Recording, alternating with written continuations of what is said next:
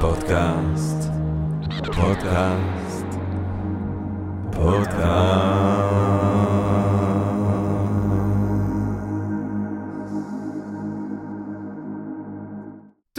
גבירותיי ורבותיי, ברוכות וברוכים הבאים לפודקאסט של Think and Ring Different, פודקאסט למי שאוהב לחשוב ולשתות, אני ג'רמי פוגל, ואנחנו רוצים להתחיל עם רגע של הודיה, לעצם היש, לעצם המציאות הזאת, שמאפשרת לנו למרות הכל ובהינתן כל אלה להיפגש כאן, למען הרחבת הדעת, העמקת הידע, גירוי ואולי סיפוק של הסקרנות, אולי רעיון נשגב, מעורר השראה, ככה פתאום כולנו ביחד, ובעברית, כאן בסקרינס. אה, אנחנו מודים גם לסקרינס, ששם אנחנו מצטלמים, מי שרוצה, בואו לסקרינס. יש בינג' אחר, סקרינס, אנחנו מצטלמים בסקרינס. אה, מי שרואה אותנו יראה שהדקור היום, הסט הוא שונה. אנחנו שמו אותנו על ספות, אה, זה שונה, תגידו לנו אם אתם אוהבים, אנחנו, לנו נוח. אנחנו נכון? אוהבים. אנחנו אוהבים. אה, think and Read Different, הרצאות, רתחיתים, בואו לאתר שלנו, בואו אצלנו לעמוד הפייסבוק. טוב, גבירותיי ורבותיי, אה, במדיטציה הראשונה, בהיגיון על פילוסופיה הראשונית, בתרגיל המדיטטיבי הראשון הזה של דקארט, אה, הוא בעצם מציע אה, להסיר ממנו את כל דבר, את כל אמונה שאפשר להטיל בה ספק. אז הוא מתחיל ואומר, קודם כל, אני, אפשר להטיל ספק במה שהגיע מהחושים שלנו, כי החושים הטעו אותנו, אז הוא אומר, כל מה שמגיע מהחושים שלנו, אני משאיר מאחור. אבל אז הוא אומר, מה? אז יגידו שאני כמו המשוגעים האלה, כן? שחושבים שהם עשויים מזכוכית, או שחושב שהוא מלך כשהוא אני מרוד. מה, אני משוגע כזה? אז הוא אומר, טוב, אבל גם אם אני לא משוגע, לפעמים אני ער, ולפעמים אני ישן, וכשאני ישן יש לי חלומות, ואז אני לא יודע את ההבדל בין מציאות ללא מציאות. זאת אומרת, ואז יש ריב מאוד גדול כזה אה, בין דרידה לבין פוקו, האם הוא מרחיק את המשוגע, הוא אומר, טוב, אני לא משוגע, אבל גם אני לפעמים הוזה כשאני חולם, או שמא הוא מקרב את המשוגע, הוא אומר, מה ההבדל בין, בעצם ביני לבין המשוגע? בהינתן שגם לי יש מצבים שבהם אני רואה דברים שלא מתקיימים. אה, כך או כך, אה, אה, הפסיכוזה המתוארת שם, והחלימה שמתוארת שם אצל דקארט, מצביע על האופן שבו אה, התודעה היא זאת שיכולה להטות אותנו לחלוטין, או אה, גם כשהיא מציאותית היא בעצם מטעה באיזושהי צורה, כן? כמו שאומר ניטשה, אולי למרות דקארט, אה, אלוהים הוא כן משלה אותנו, אולי בסוף הכל זה אשליה, וגם תפיסת המציאות הרגילה שלנו היא אה, אשלייתית. על כל פנים, ברור שהפנים יוצר את תחושת החוץ, וכל מי שחווה... אם זה דיכאונות, או אם זה התקפי חרדה, או אם זה תקופות חרדתיות, זה מדהים עד כמה שבעצם המצב הפנימי קובע את הכל. כאילו, אתה יכול לחיות את אותם חיים, מבחוץ שום דבר לא השתנה, הפנימיות משתנה והכל משתנה. תחושת העצמי, תפיסת המציאות, אה, זה דבר מדהים. אה, הכל בעצם זה תפיסת המציאות. דברים הם לא כפי שהם, הם כפי שאנחנו. אז על זה אנחנו רוצים לדבר היום, זה מה שאני מקשקש כאן. אנחנו רוצים לדבר על תפיסת המציאות, על איך היא נוצרת. אה, איך אנחנו אה, בראי של מדעי המוח אה, בעצם מייצרים את המציאות שדרכה אנחנו חיים את החיים שלנו. כדי לדבר על הנושא הזה, גבירותיי ורבותיי, לא היינו יכולים לקוות, ובאמת, לאורח יותר מדויק, מעורר מחשבה והשחאה, מאשר פרופסור רועי סולומון. גבירותיי ורבותיי, פרופסור רועי סולומון, חוקר מוח שמתמחה בתפיסת המציאות, תפיסת העצמי, בפסיכדליה, בפסיכוזה, זאת אומרת במצבים אה, גבוליים כאלה, שדווקא מהצד השני אפשר להבין את הצד הרגיל או הנורמטיבי. או... אה, תואר ראשון בפסיכולוגיה באוניברסיטה בירושלים, תואר שני בפסיכולוגיה באוניברסיטת תל אביב. את הדוקטורט שלו הוא עשה במדעי המוח אה, הקוגניטיביים בתל אביב ובוויצמן, שם הוא חקר את תחושת העצמי. אה, הוא עשה פוסט ב-EPFL בשוויץ. שהוא בדק שם את תודעת הגוף, כן, איך פתאום אנחנו מרגישים שהבשר הזה הוא בעצם אנחנו, כן, ואיך לפעמים לא. ואיך לפעמים לא. אה, הוא אה, בימינו אנו חוקר באוניברסיטת חיפה, ששם הוא ממשיך לחקור בסקחנות ובכישרון וב, אה, ובבריליאנסי, בהברקה, במבריקות. לא יודע, לא הולך לי עם האוצר מילים כאן. את, הוא חוקר את תפיסת המציאות, את תפיסת העצמי, אה, את אה, מצבים פסיכוטיים, מצבים אה, שנוצרים בעקבות חומרים פסיכדליים. גבירותיי ורבותיי, פרופסור רועי סולומון, שלום רב. שלום. אמ, טוב, בוא נחתוך כאן ישר בווריד הצוואר. יש, חיכיתי אה, למשפט. חייבים, חייבים. אמ, מהי מבחינתך כחוקר מוח אה, תפיסת המציאות? מהי ה-working definition שלך? אוקיי, זה דבר מאוד מאוד מורכב בשבילנו לעשות. בשבילנו, תחושת המציאות שאנחנו עובדים עליה פה, זה השאלה איך המוח עושה tagging לאינפורמציה שהוא מקבל, וגורם לנו לחשוב שדברים מסוימים הם אולי מציאות, ואולי לא. איך tagging, אתה זאת יודע אומרת, שהוא... שמשהו הוא הזיה למשל. כן. איך אתה מגיע? כי האינפורמציה היא אותה אינפורמציה כמו של כל המידע הוויזואלי-אודיטורי שאתה מקבל. כן? זה באמת השאלה של דקארט, כאילו, נכון. כן. נכון, איך אתה יודע את הדבר הזה? ועם זאת, יש לנו מצבים שאנחנו יודעים את הדברים האלה. כן, למשל, גם בפסיכוזה יש אנשים שיש להם insight, שהם יודעים שזה הזיות. וגם אנחנו, ביום-יום, יש דברים שאנחנו אומרים, זה לא נראה לנו, כן? כלומר, אנחנו אומרים, יש לנו את זה בשפה, איזה סרט, אני לא מאמין למה שאני רואה. למה אתה לא מאמין למה שאתה רואה? יש דברים שמעלים אצלנו בתוך המוח, ועושה המוח הזה, זה נותן איזה סימן, שאומר, משהו פה הוא לא כמו שאני מצפה, הוא אבל לא כמו פה, אז רץ." פה נגיד, אה, אה, אולי דוגמה שפה כן אנחנו יכולים, כאילו, כשאתה אומר לי את זה, אז אני מאוד כן יכול לחשוב על אה, אה, אה, רגעים שבהם בעקבות חוויה, או שימוש בחומרים אה, פסיכואקטיביים, אתה עושה אסיד, אתה רואה איזשהו משהו, ואז אתה אומר, טוב, וואי, אני, האסיד משפיע, כאילו, אני רואה משהו שהוא לא באמת מתקיים במציאות. נכון. אז יש לי את האפשרות הזאת להיות מודע נכון, לזה. למרות שיש שם משהו נורא מעניין, בעיקר בפסיכדלים הקלאסיים של ה-5HT2A receptors, אה, של LSD וכאלה, שלמרות שאתה, יודע שאתה הוזה, יש לך insight, אתה אומר זאת הזיה, יש לך גם תחושה נואטית. לפעמים אתה מרגיש שפעם ראשונה אתה רואה את האמת. Hmm. שזה ממש כזה משחק מעניין בדיוק על המקום הזה של תחושת המציאות. מצד אחד אתה אומר, אוקיי, זה לא אמיתי, אתה יודע שזה לא אמיתי, אם לא לקחת יותר מדי, ומצד שני אתה אומר, יש פה איזה אמת שפעם ראשונה אני רואה אותה. Hmm. תחושה עמוקה כזאת. אז מה באמת, מה באמת הכלים שדרכם אנחנו יכולים להבדיל? זאת אומרת, בוא נ... אני, אני אשאל את זה ככה. אם בעצם המוח אה, הוא זה שמייצר את תפיסת המציאות שלנו ככה או ככה, כן? אם היא נורמטיבית או אם היא חורגת מהנורמה במצבים פסיכוטיים ובמצבים של שימוש פסיכואקטיבי, אה, אז בעצם זה הכל עניין של הרגל. כשאני רואה משהו שהוא משונה, הדבר שעקרונית שונה זה שפשוט אני לא רגיל לראות דינוזאור, שהעננים הופכים לדינוזאורים. כאילו זה, זה משהו שאני זוכר. העננים הופכים לדינוזאורים. עכשיו, אם הייתי רואה את זה כל הזמן, אז זה היה נראה לי רגיל. אם אני רואה את זה פתאום, וזה שונה, אז זה נראה, לא, זה, זה, קודם זה כל, העניין. ב- בבסיס של המודל שלנו, אנחנו משתמשים במודל ש- שמבוסס על רעיון, שנקרא רעיון בייזיאני, שמבוסס בדיוק על מה שאתה אומר. בתוך החוויה שלנו, בתוך העולמות שאנחנו מתקיימים בהם, יש דברים שאנחנו רגילים אליהם. יש דברים שהם בתוך החוויה הרגילה, והמוח שלנו לומד אותם סטטיסטית. הוא אומר, זה משהו שסביר שהוא יהיה, כן?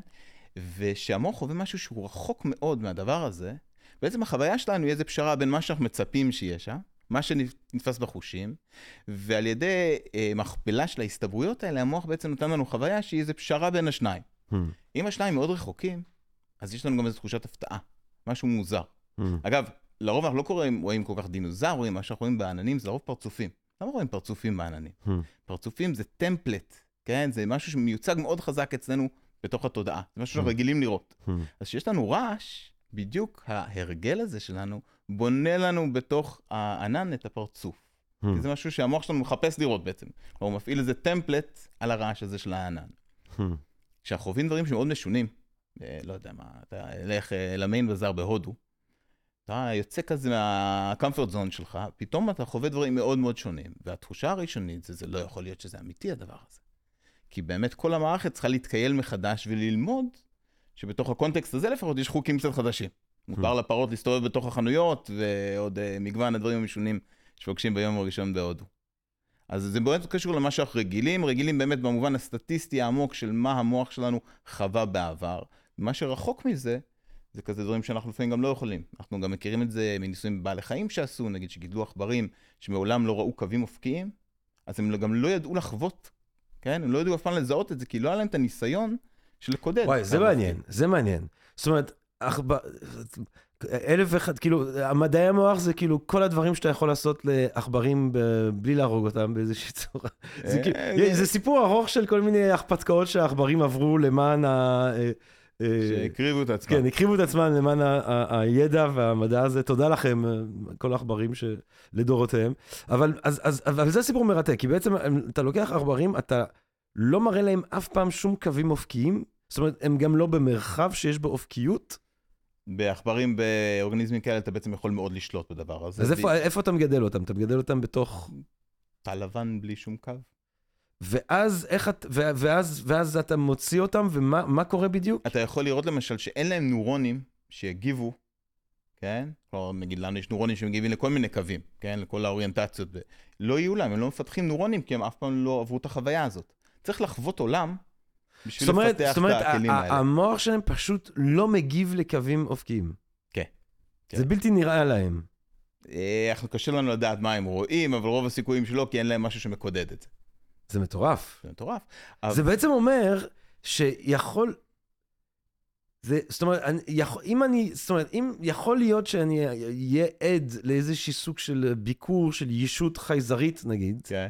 שמסוג שלא ראיתי אף פעם ואני פשוט לא אראה אותה, יש את הסיפור הזה הרי על ה-Native American ה-Native American Indians. שהגיעו כן, הספינות. שהגיעו הספינות, לא, לא יודע מאיפה הגיע הסיפור הזה, כי אני... כן. אבל הוא, הוא בדיוק מתאר דבר כזה. כן, שהגיעו הספינות, הם לא ראו כי לא היה להם טמפלט לספינות כאלה שמגיעות זה לא, אני מהכיוון תמיד הזה. חשבתי שזה אגדה אורבנית, הסיפור הזה. לא היה אורבני אפילו שם, אגדה זה כנראה, כן. אגדת ג'ונגל. כן. אבל כן, נגיד סיפור. אחר, שהוא גם אולי קצת אגדה אורבנית, כן, אבל אה, שהאחים לומייר הקרינו פעם ראשונה סרט, כן? שהרכבת מגיעה, אנשים ברחו מהקולנוע, כן. כי לא היה להם טמפלט שאתה יכול לראות משהו, והוא לא אמיתי. זה אני, זה אני יכול להאמין. אבל באמת, אתה, אז, אז זאת אומרת, אבל באמת, לפי מה שאתה אומר עכשיו, עם העכברים והקווים, ה... אה, יכול מאוד להיות שבאמת כשהיו אה, ילידים שרואים לפעם הראשונה את הספינות הענקיות האלה, שהם סוג של דבר שהם אף פעם לא תפסו, אז אומרים שלקח הרבה זמן עד שהם אשכרה ראו אותן. יכול מאוד להיות, ואת האמת, אחד הדברים המעניינים בעבודה שלנו על הדבר הזה של תפיסת המציאות, זה ש... אתה יודע, הרבה פעמים מדברים על מה קורה שפתאום אתה מרגיש משהו לא אמיתי, אבל רוב הזמן התפקיד של המערכת הזאת, זה לקחת את כל הבלגן והרעש שיש בעולם הזה, אתן דוגמאות ויזואליות, אני רואה השתקפויות, ואני רואה מין קרניים יוצאות מכל מיני דברים, יש הרבה בלגן בתוך התפיסה, ודווקא לנסות להתעלם מזה, to push it away. כי בחוויה שלנו אנחנו לא רוצים את כל הרעש הזה, אנחנו רוצים לקבל כזה סיפור... עריכה.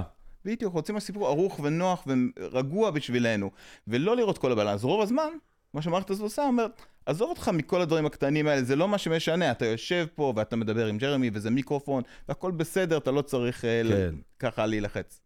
האמת היא, אתה יודע מתי אני חשבתי על זה? אני הייתי, יש לי קצת ניסיון עם אה, ליווי אנשים במצבים של אה, מניה. ודבר שאתה שם לב אליו, זה באמת העודף אנרגיה המטורף הזה, ויצ... ובאמת יצירתיות, ובאמת גם יכולות מוזיקליות פתאום שמוגברות מאוד, ויכולות קוגניטיביות שמוגברות מאוד.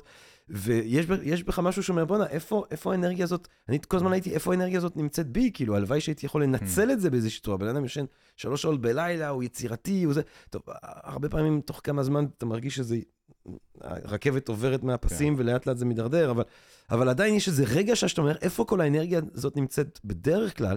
ואז התחלתי לחשוב, אמרתי לעצמי, אולי רוב האנרגיה הקוגניטיבית שלנו היא בכלל נמצאת בעריכה. כי בן אדם במצב של מניה הוא, הוא כל מחשבה יוצאת בדיבור. מהמם. אז יכול להיות שהרבה מאוד מהאנרגיה שלנו היא בלערוך את התוכן הקוגניטיבי באיזושהי צורה. ברור, אני גם חושב ש- שאחד, כלומר, אם נדבר על consciousness, על מודעות, שזה משהו שאני עובד עליו שנים, התפקיד הראשון של מודעות זה לצמצם ולערוך. כלומר, Hmm. בתוך החוויה שלנו נכנסים מעט דברים מתוך כל הדברים שאנחנו חווים. ו-consciousness קודם כל זה reducing valve, זה פילטר שמנסה לאתר לנו את הדברים שחשובים לנו, חשובים לנו בשביל לשרוד, חשוב לנו, מעניינים אותנו, ולשים את הכל בצד. והמערכת של תפיסת מציאות היא חלק מהמערכת הזאת, שמנסה כל הזמן לעשות filtering. ויש רגעים שיש פתאום איזה משהו כזה מוזר, שלמרות שבעצם, הנה, מגיעות ספינות, כדאי לך לדעת שהם באים, כי כאילו, bad stuff is coming, אה, לתת איזה רגע שאתה אומר, אוקיי, אתה צריך עכשיו לעשות תיקון למה שאתה מאמין על המציאות, כי יש פה משהו חדש. אז בעצם פה יש משהו שמדבר על תפיסת המציאות, אומר, רגע, יש פה משהו חדש, אני לא מאמין למה שאני רואה, אני צריך לעדכן את מה שאני מאמין ומה שאני יודע על העולם הזה. אז לחזור לעכברים, אתה, אין משהו שאפשר לעשות כדי לגרום לעכברים כן לראות את הקווים האופקיים? זאת אומרת, אם אתה נגיד תעניש אותם, אם הם לא רואים אותם באיזשהו אופן. זאת אומרת, אם אתה תהפוך ברמה פונקציונלית את היכולת לראות את הקווים למשהו כן. שמקדם אותם. תראה, אני, אני קודם כל, אני לא עובד בבעלי חיים, כן. אז אני לא אגיד מה עכברים יכולים וזה, אבל בגדול, להרבה דברים יש תקופות קריטיות, שצריך שמה ללמוד את הדברים האלה. Mm. קודם כל, אתה יודע, עכברים שחיים בסביבה רגילה, ילמדו את מה שהם ילמדו בסביבה רגילה. האם אפשר יותר מאוחר לתקן? זו שאלה מעניינת. אה, אתה יודע, היום יש אנשים שפתאום רואים אחרי הרבה שנים שהיו עיוורים, צריך, גם הם צריכים ללמוד לראות בעצם, כן, הרבה אה? דברים, ולהבין מה זה אומר. מה, מה אנחנו רואים, מה, מה, מה אתה יכול להגיד לנו על התופעה המרתקת הזאת? אנשים שלא ראו ופתאום בגיל יחסית מאוחר מתחילים לראות. אה, קודם קודם כל, זו אני חוויה שצריך להבנות ש- אותה. שהם, שהם, שהם הם לא יכולים לזהות, נגיד, נכון. עיגול, או כדור, נכון. או דברים שהם נגעו בהם, אחר כך כשהם רואים אותם, הם לא מזהים אותם, נכון. אנשים במצב הזה, לא? שזה היה נחמד כזה לפתור אה, שאלה פילוסופית נכון, בצורה אמפירית, נכון, כאילו, כן. כן, אז באמת הם לא יודעים, אין העברה בין החושים, זה לא שעכשיו משהו שהם ידעו להחזיק אותו ביד לדעת שהוא עגול, פתאום ראו אותו וזיהו אותו. מדהים. כן, שזה דבר מדהים. זה מטורף, זה לפתור מטורף. כזה אמפירית משהו כזה זה פילוסופי. מטורף, זה ממש מטורף. אמ, כן, כלומר, יש בעצם כל הדברים האלה, אנחנו חושבים שאנחנו פשוט doing it, אבל אנחנו למדנו את זה, והלמידה הזאת זה מה שמבנה את, ה... את ההסתברויות האלה בתוך המוח שלנו, של בעצם להחליט, המוח מחליט כל הזמן מה אנחנו רואים. הוא עושה את זה לפי מה שהוא יודע, ולא רק מה שלפי מה שלפנינו. Hmm. זה הקטע הזה שאם אתה באיזה מסיבה מלא אנשים, אתה, ו, ובחבורה ליד מדברים עליך, אתה, אתה תשמע את זה.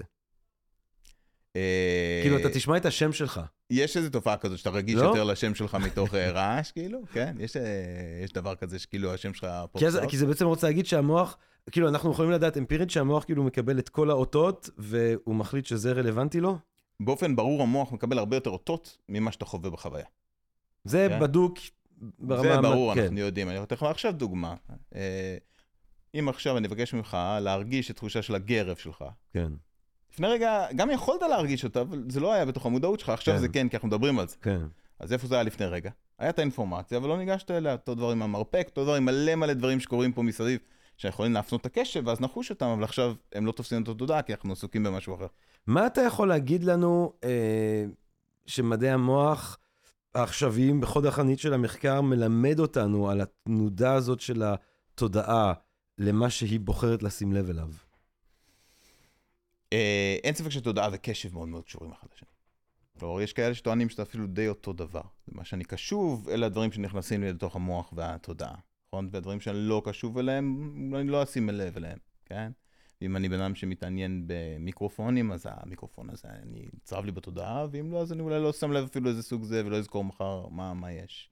אז יש קשר מאוד חזק בין הדברים, זה לא כל הסיפור כמובן, אבל אה, קודם כל, איפה שאנחנו שמים את הקשב שלנו, יש הרבה יותר סיכוי שהדברים האלה יהיו גם בתוך התודעה שלנו, בתוך החוויה. מעניין. ומה המצבים שבהם יש הפרעה סביב הנושא הזה של קשב אה, מלמד אותנו על אה, היכולות האלה?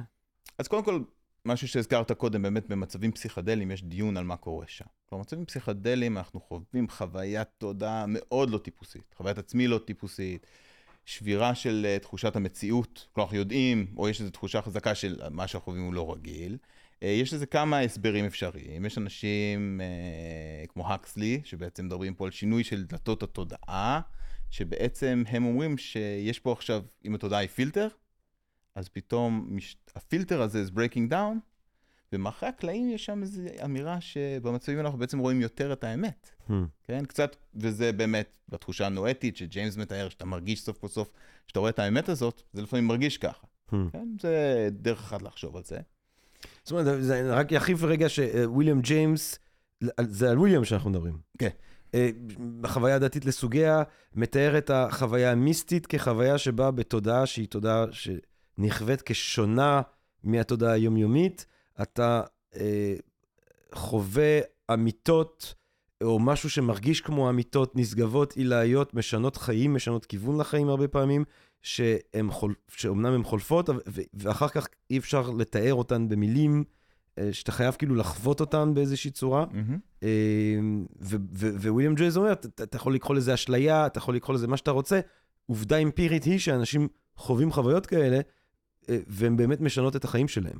נכון. זאת אומרת, חוויה אחת כזאת יכולה לשנות חיים של אה, בן אדם בצורה אה, אפילו יחסית קיצונית. ממש, כי, כן. כי התחושה של הנואטיות הזאת, האמת העמוקה הזאת, היא משהו שמלווה אנשים. כן. אמ, ויש את זה מאוד מאוד בשימוש בחומרים פסיכדליים שמביאים איתם את התחושות האלה. חוויות מיסטיות כמובן, גם ג'יימס ככה אה, התנסה בכל מיני חומרים בשביל אה, להבין את הקשת של החוויה האנושית התודעתית. יש גישות אחרות. כלומר, הגישה הזאת אומרת שבעצם יש אמת יותר גדולה ואנחנו רואים פחות ממנה, בגלל אולי הפילטרים, הבייזיאנים האלה, או זה שאנחנו שמים על המציאות. וויליאם בלייק באמת, the doors of, if the Mm. doors of perception would be cleansed, man would see the, the world, the universe as it really is infinite. כאילו, אתה. תראה את, הנ- את הנצח, את האינסוף. זה הכל. הכל. כן, וזה באמת קצת מה שאנשים מתארים. כן. גם בחוויות פסיכודליות, גם בחוויות מיסטיות. אה, באופן מעניין, גם יש מקרים של אפילפסיה, אפילפסיה שמתחילה במוקדים במדיאל טמפורל לוב, שגם מתחיל במין אאורה של התחושות האלה. של משהו נורא חשוב, שזה סיגניפיקנטיות כזאת משמעותית. מעניין. וגם בפסיכוזה לפעמים אנחנו רואים, זה, זה ודאות גדולה של כן, זה ראיית כן, האמת, כאילו. במפורש. אה, שזה לאו דווקא האמת. נכון. אה, אז גישה אחת אומרת, אה, יש, במצבים כאלה אתה, אתה רואה את האמת הנשגבת. כן.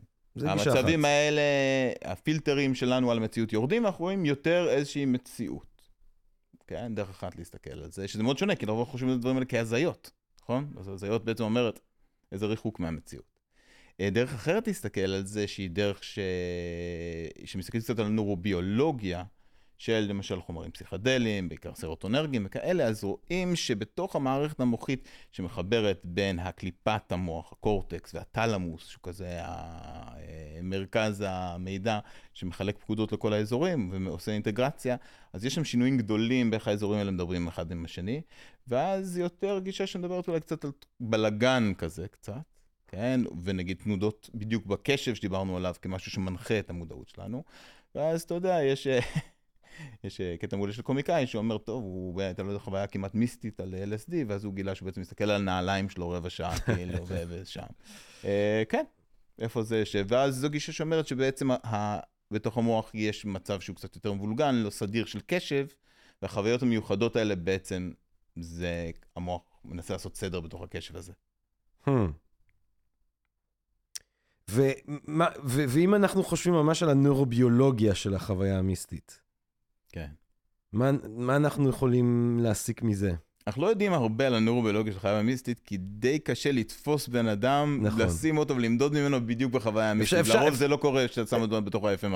אה, אה, כאילו אפ, כן. אפ, אפשר, אפשר אולי טכניקות של מדיטציה לשים ב-FMRI, אבל זה לא אותו... זה גם לא פשוט, כאילו, ולרוב ה epiphanies לא קוראים ב-MRI, קוראים על איזה הר למעלה גבוה, כן, כאילו. אה, set and settings. בדיוק, כן. זה פחות סט שמעודד חוויות מיסטיות. שוב, חומרים פסיכדליים כן אנחנו יכולים לעשות את זה גם. אפשר לחשוב איך הסט הזה וה setting של כאילו לעשות את זה בתוך מכשיר מדידה MRI רפואי כזה משפיע על החוויה שלך ומכווין את הדבר הזה. אמ, כן, אנחנו רואים ש- ש- שבעצם הרבה מהקישוריות של המוח משתנה. כלומר, האזורים Hmm.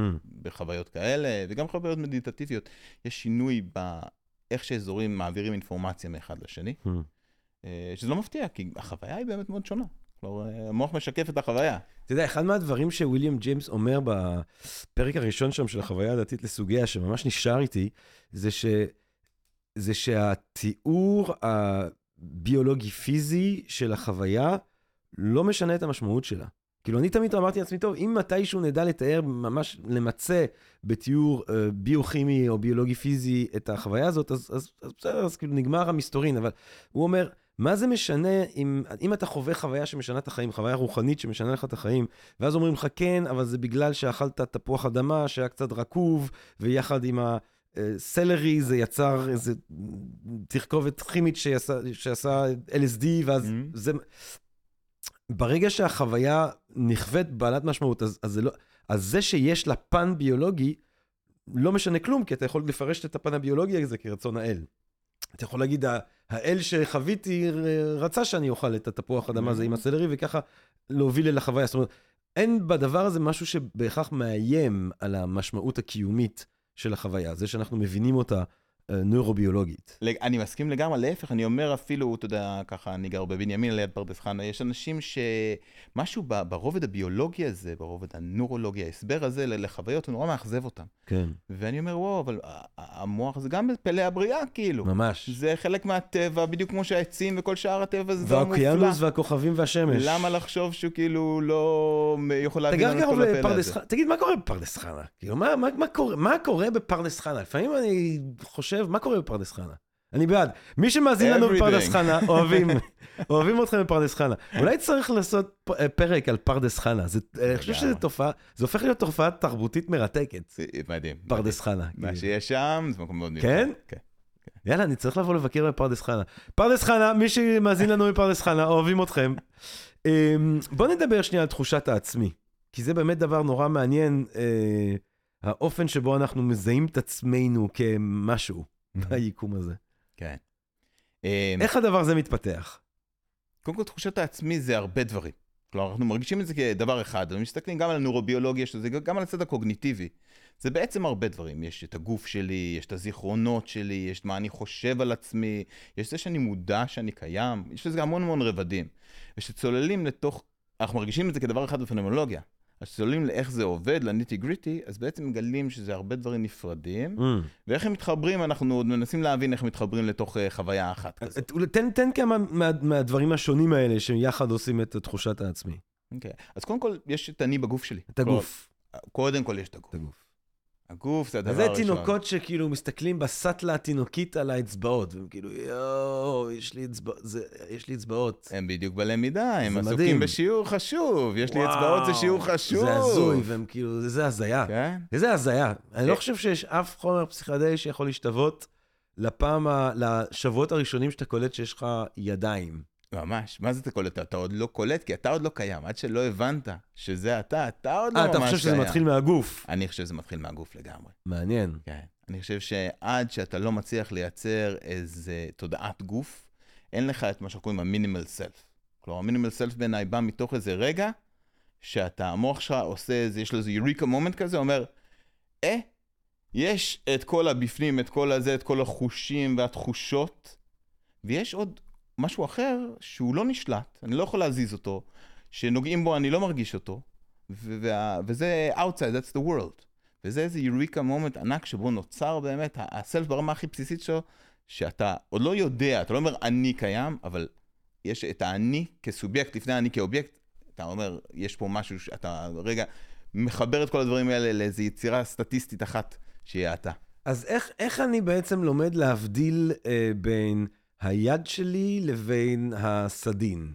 זאת אומרת, איך אני מזהה את היד שלי כאני ואת הסדין כחלק מהעולם החיצוני? אז קודם כל זה מסובך.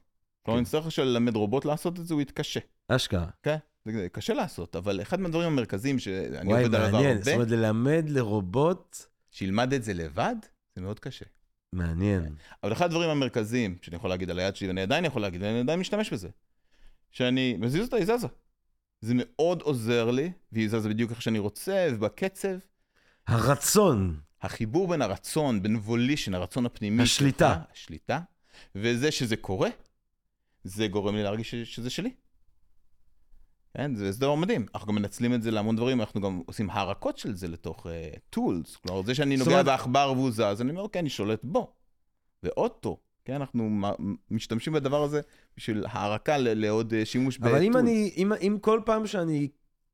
זאת אומרת, אם זה עניין של שליטה, כן, כי אתה לא לגמרי שולט על אימא, אתה כאילו, אתה יכול לצעוק ואז אימא מגיעה, אבל, אבל זה פחות אמין, אימא היא פחות אמינה מהיד. נכון. היד, אני, כל פעם שאני אבחר להזיז אותה, נכון. היא תזוז, אז אני אזדהר, אני אזהה אותה. ממש כל פעם שתרצה. כן. כן, יש הרבה שליטה, כלומר, אני מסתכל על זה אפילו לפעמים במושגים של אינפורמציה. אני, ל, ל, על עצמי, יש לי הרבה אינסיידר אינפורמיישן. המון המון דברים שאני יכול, המוח, לא אני ברמה המודעת, המוח שלי יודע להסביר. אני יודע למה היד הזאת זזה, אני לא יודע למה העיניים זזות, כאילו, אני יודע למה פתאום השתנה לי ה-visual field. ומתוך הדברים האלה, אני בונה איזה מסגרת שאני אומר, אוקיי, כל זה זה אני, ויש כל מה שבחוץ, אני יודע הרבה פחות, אני לא יודע מה אתה הולך לעשות עוד רגע. אבל מה קורה בתוכי, אני יודע הרבה הרבה דברים. ותוך השדה אינפורמציה הזה, הראשוני, זה היוריקה מומנט, זאת אומרת, אוקיי, הבנתי את כל מה שקורה פה, זה אני. אז בעצם ה- ה- אה, תודעת העצמי מתפתחת מתוך אה, שדה של אינפורמציה מוגבר אל מול... זה, תמיד אני צוחק, אנשים שואלים אם הם יכולים לעשן אצלי, אז אני אומר, לא רק שאתה יכול לעשן אצלי, בעצם כל הבית שלי הוא, הוא אה, נו, אה, מאפרה. ברמה אחרת של אה, ריכוז, ואז כאילו במאפרה הרשמית, שם זה הכי מרוכז. אבל כאילו שאר המקום... הגראונד זירו. כאילו, כן, זה אבל כל השאר, זה דרגות של... אז, אז, אז בהתחלה, כאילו, אין, אין זיהוי של אף דבר בחלל כאני, אבל לאט לאט יש כאילו שדה של אינפורמציה שהוא מהמם. יותר ממוקד ומרוכז, לגמרי. וש- ו- והוא נתון לשליטתי, ואת זה אני מתחיל לזהות כעצמ... או, או, מ- או מתוך, הדו... מתוך התופעה הזאת, מפציעה תודעת עצמי. כן, שהיא עוד לא מודעת. כלומר, התודעה, המינימל סלף, הוא תחושה שהיא... כלומר, בעצם מה קורה שקורה אחרי הקלעים, היא לא מודעת. היא לא- כן? לא מודעת, לא... וזה... היא לא מודעת, כלומר, התוצר שלה, אבל כל הפעולות שמתרחשות בשביל שאני ארגיש שזה אני, כלומר, שאתה קם בבוקר, אתה לא אומר, אה, וואי, אני שולט ברגל, היא שלי, היד, זה פשוט קורה, כאילו, אתה אומר, אני התעוררתי, זהו. כאילו, אתה, החיבור שלנו עם הגוף שלנו הוא כל כך פונדמנטל, הוא כל כך בסיסי לחוויה האנושית, שכל זה קורה בלי צורך בקשב או השקעה או מאמץ כלשהו. כן? כלומר, זה, זה מבחינה פנומנולוגית, זה תהליך שהוא שקוף. ומה מה, מה, מה קורה כשהדבר הזה נפחם? קודם כל זה לא טוב.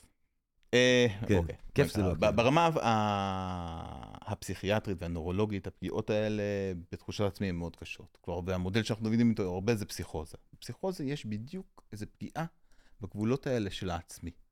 מה זה אומר פגיעה בגבולות האלה של העצמי? פתאום הם מרגישים ששותלים להם מחשבות או גונבים להם מחשבות. לרוב המחשבות שלי, זה משהו שהוא אצלי, ואני יודע, ש... אחרי שאתה מתפתח מספיק, אתה יודע שבן אחר לא יכול לשתול או לגנוב לך את זה. ואפילו הדבר ש- שיש הכי הרבה בפסיכוזה, שזה הזיות אודיטוריות, כן, הזיות שמיעתיות, שהם שומעים קולות. כולנו שומעים קולות. אני שומע את עצמי, יש לי דיבור פנימי כזה, אבל אם אני לא אזהה את זה כשלי, כחלק מעצמי, אז פתאום ירגיש לי כן. משהו שמגיע מבחוץ. זה משהו מטורף. זאת אומרת, כי אתה בעצם אומר שהזיות אודיטוריות זה דיס-אסוציאציה של קולות שלכולנו יש אה, מתחושת העצמי. זאת אומרת, אני כל... סוקרטס אומר, אה, מחשבה זה שיחה שהנשמה מנהלת עם עצמה.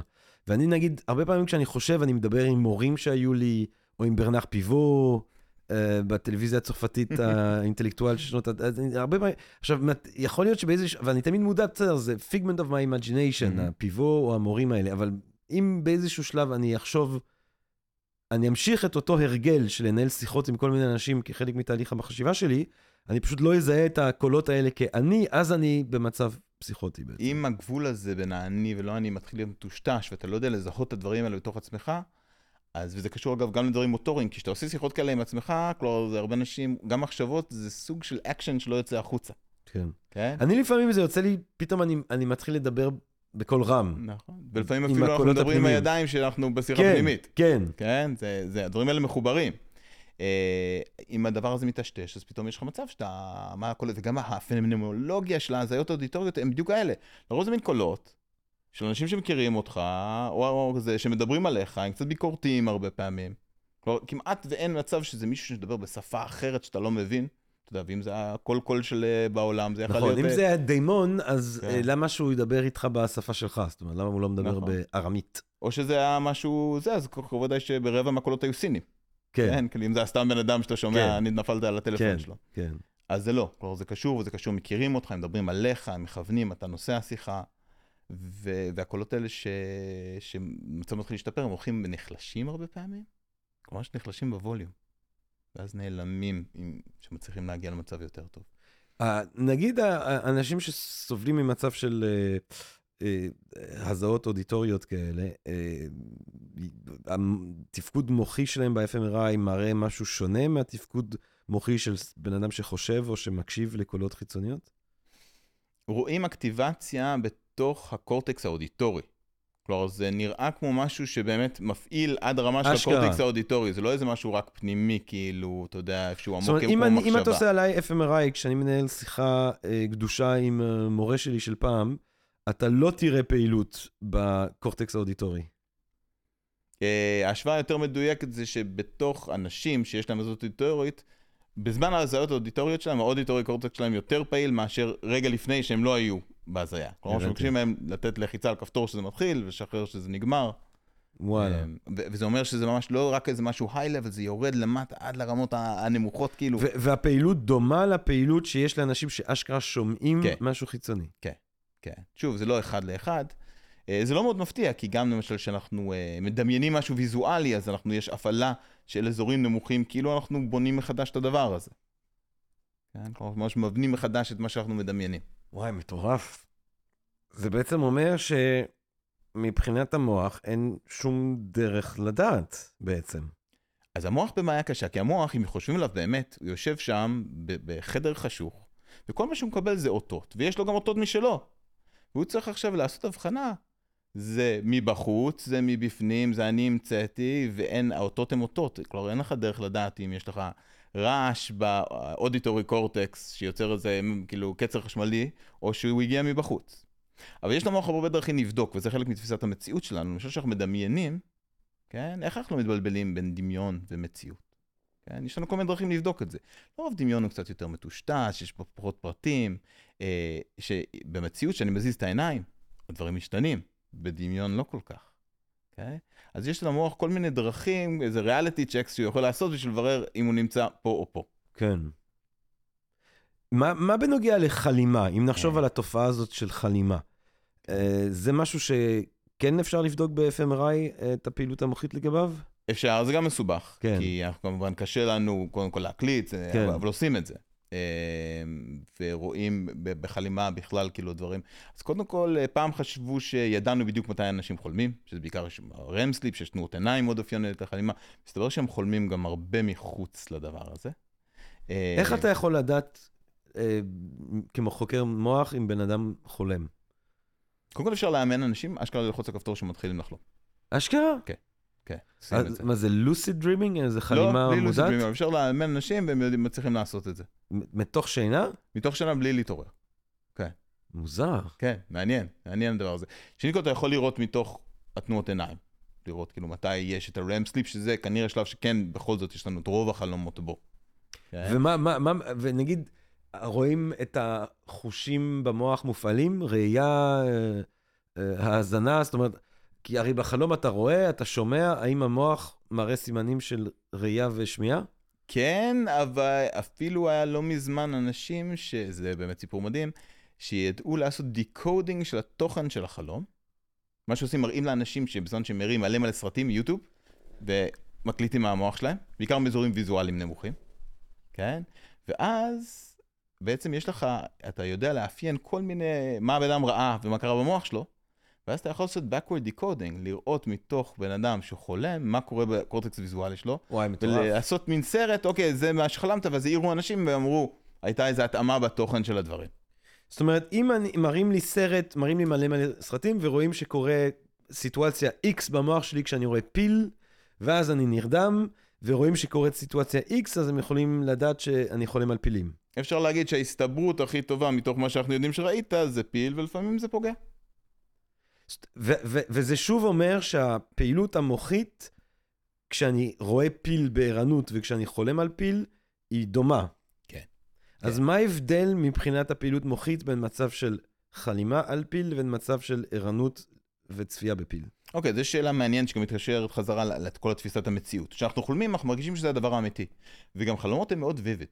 החלומות זה משהו, מקום. שבו התחושה שלנו היא מאוד חזקה, גם התחושה הנואטית היא מושלמת. כלומר, כלומר, מבחינתי, עד שלא התעוררתי, זאת האמת. כן? אה, וגם מה שאנחנו רואים הוא חזק, זה לא כמו בדמיון. חלום זה הרבה יותר חזק מדמיון. אה, אז אנחנו באמת רואים כאילו הרבה באזורים הנמוכים של הקלטים הסנסוריים, משהו מאוד מאוד דומה. באזורים גבוהים, פרפרונטליים, רואים הבדלים. כלומר, יש פה הבדל בדבר הזה. בעיניי זה מצב מרתק חלום לתפיסת המציאות, כי יש לך חלומות, רוב החלומות אתה חושב שזאת האמת עד שאתה מתעורר. אבל יש לך באמת מה שקוראים חלומות אה, ערות או lucid dreaming, שבו הם בתוך החלום פתאום אתה מתחלף, ואתה אומר, אה, אני חולם, ואתה בעצם מערכת התפיסת מציאות אצלך נדלקת, שוב, ואומרת, אה, זה לא האמת, זה חלום. ואז אתה יכול לשלוט, אתה יכול לעשות כל מיני דברים כן. מעניינים. בוא נ... אה, זה קטע החלומות ערות. אני חושב שהרבה מאיתנו עברנו את השלב שניסינו, אתה יודע, כשאתה צעיר, אתה מנסה אולי בוא נתאמן, יש כן. טכניקות של יש חלומות טכניקות, ערות. כן. כן, אתה חושב שזה... קודם כל זה עובד, אני אספר חוויה שם טובה שהייתה לי שבוע שעבר.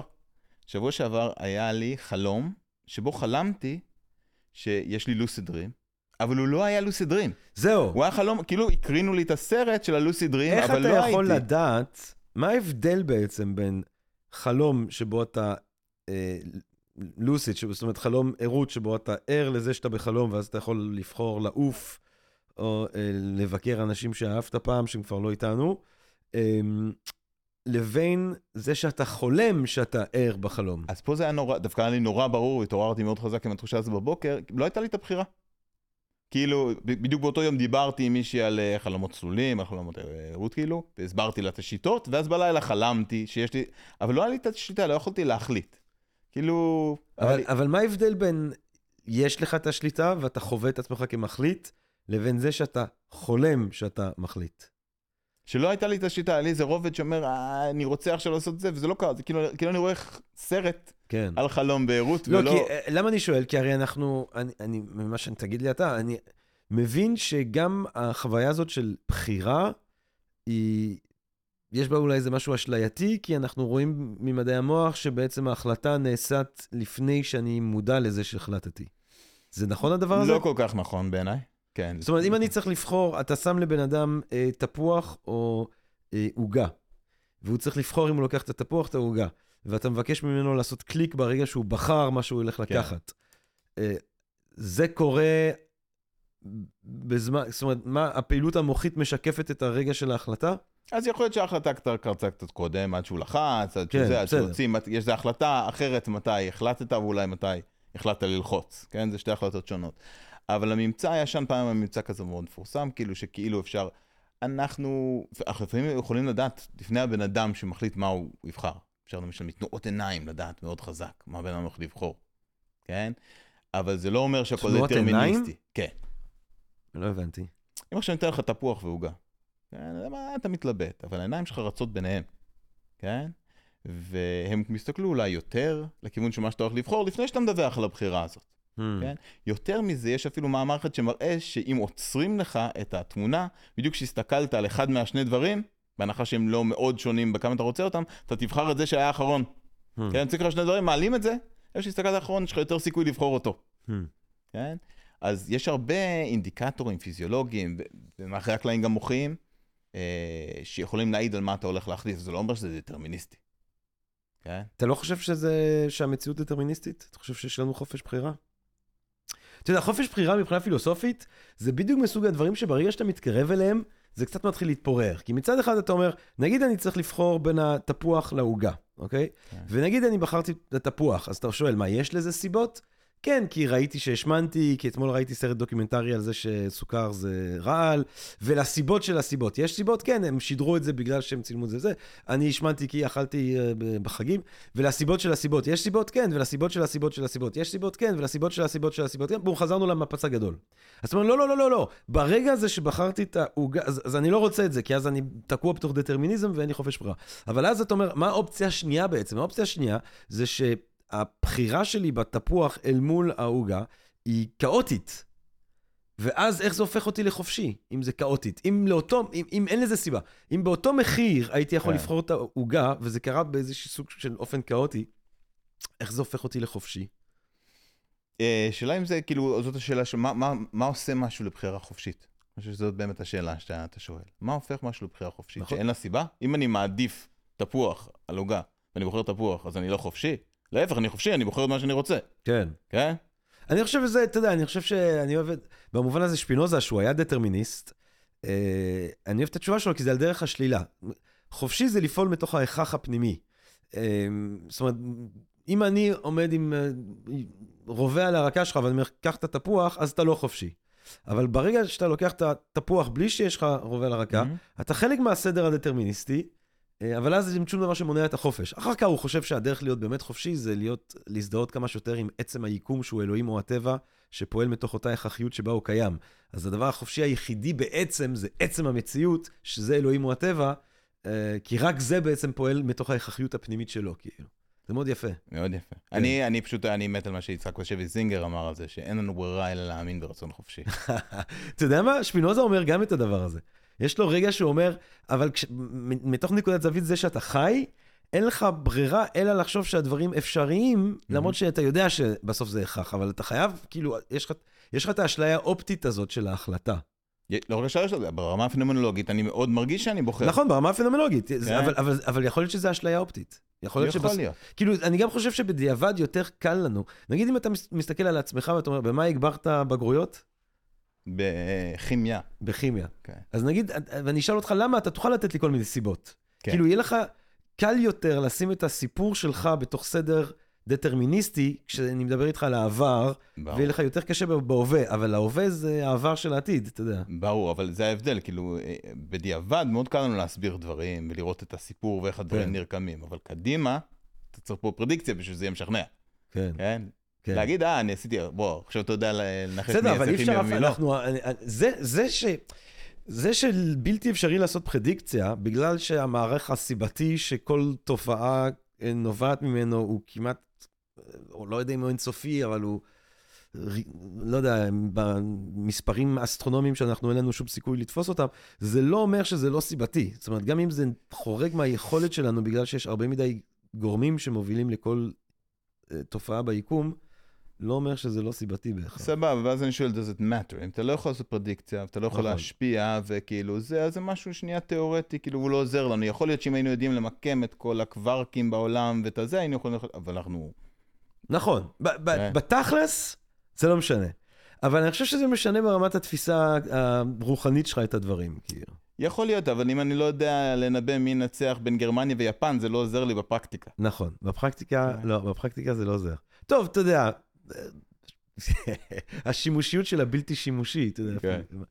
אמ, אני רוצה לדבר איתך קצת על האופן שבו, אה, כאילו, להרחיב קצת על האופן שבו מצבים, אה, מצבי, מצבים שונים מאוד, פסיכוזה, אה, חוויה פסיכדלית, מה הם, מה הם תורמים למדעי המוח? מה הם, או, ל- או להבנה שלנו של התפקוד המוחי? כן. אמ, קודם כל אני חייב להגיד שפסיכוזה זה מצב קשה שמלווה אליו הרבה סבל, כן. והמטרה העיקרית שלנו שם זה לצמצם את הדבר הזה. נכון. אני בא, בא לעזור. Uh, that being said, כאילו, אנחנו משתמשים במצבים האלה, התודעה היומיומית היא כל כך חזקה ומקיפה, ואנחנו כל כך תקועים בה, שלפעמים רק בהתבוננות במצבי קצה כאלה, אנחנו יכולים ללמוד מה התכונות בכלל של תודעת היומיום. כלומר, התודעה הרגילה שלי ושלך, אנחנו כאילו, זה משקפיים שאי אפשר להוריד אותם. Mm. וככזה, אתה חייב למצוא איזה מצב שבו אין אותם, ואז אתה לומד מה, מה זה בכלל. אה, אני חושב שמי שחווה חוויה פסיכדלית ומרגיש רגע מה זה עיוות של מרחב וזמן, פתאום מבין כמה מרחב וזמן זה, זה משהו ש, ש, שמייצב אותנו בעולם הזה. מי שמרגיש פתאום איזה שינוי של מצב הגוף זה, שלו. אני חייב להגיד שבאמת הדבר הבולט, הראשוני, המרכזי שהחוויה הפסיכדלית, אני חושב, עושה לכל מי שחווה את החוויות הראשונות שלו ברובד הזה, זה ההבנה של עד כמה שתפיסת המציאות שלך היא אכתילאית באיזושהי צורה. ארטילאית למה? כי אתה יכול לראות את זה ככה, אבל הנה, לקחת, עשית שינוי אה, קטן, כן. ואתה רואה את זה אחרת לגמרי. נכון. ואז אתה אומר, טוב, יש בטח עוד מלא דרכים נכון. שהיה אפשר לתפוס את הרגע הזה. נכון, יש את הרגע כזה שבו אתה אומר, אוקיי, that's- זו דרך אחת כן. להביא אותה לעולם. יש עוד דרכים. וזה דבר, הרגע, זה דבר ה- שמאוד ברור לך ברגע שאתה פתאום חווה אחרת נכון. לגמרי את אותה נכון. גינה, כאילו. כן, זה משהו כזה שהוא ממש, אה, ואני חושב שאלדו סקסי מתאר את זה מדהים כן. ב-Doors of Perception, בדיוק, הוא שם אה, עם היכולת שלו לתאר את החוויה הזאת לפרטי פריטיה, איך הפרחים מקבלים משמעות ופועמים ביופי אינסופי כזה. אה, אז מהמצבים האלה אפשר פתאום להגיד, רגע, רגע, אז בעצם ביום יום זה לא ככה, למה? למה יש לנו תפיסת זמן כל כך חזקה? למה יש לנו תפיסת מרחב? למה אנחנו... זה חייב להיות? מה, למה, למה, כאילו, למה זה הדיפולט שלנו? כן, אני חושב שזה הדבר ש- שהקצוות מלמדים אותנו בתוך הדבר הזה. כן.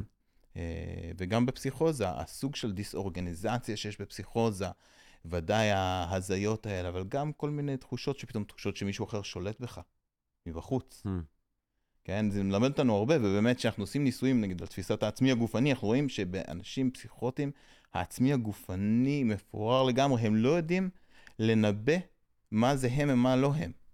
Hmm. כן? כלומר, כל מה שאמרנו שהתינוק זה הדבר ראשון שצריך ללמוד, וההאו מומנט, זאת אומרת, זה אני וזה לא אני, אז הם לא יודעים כבר אם, אם זאת היד שלהם או לא, כן? כי אין להם את התחושה של השליטה המובנת מאליו שלי ולך יש, אז פתאום, רגע.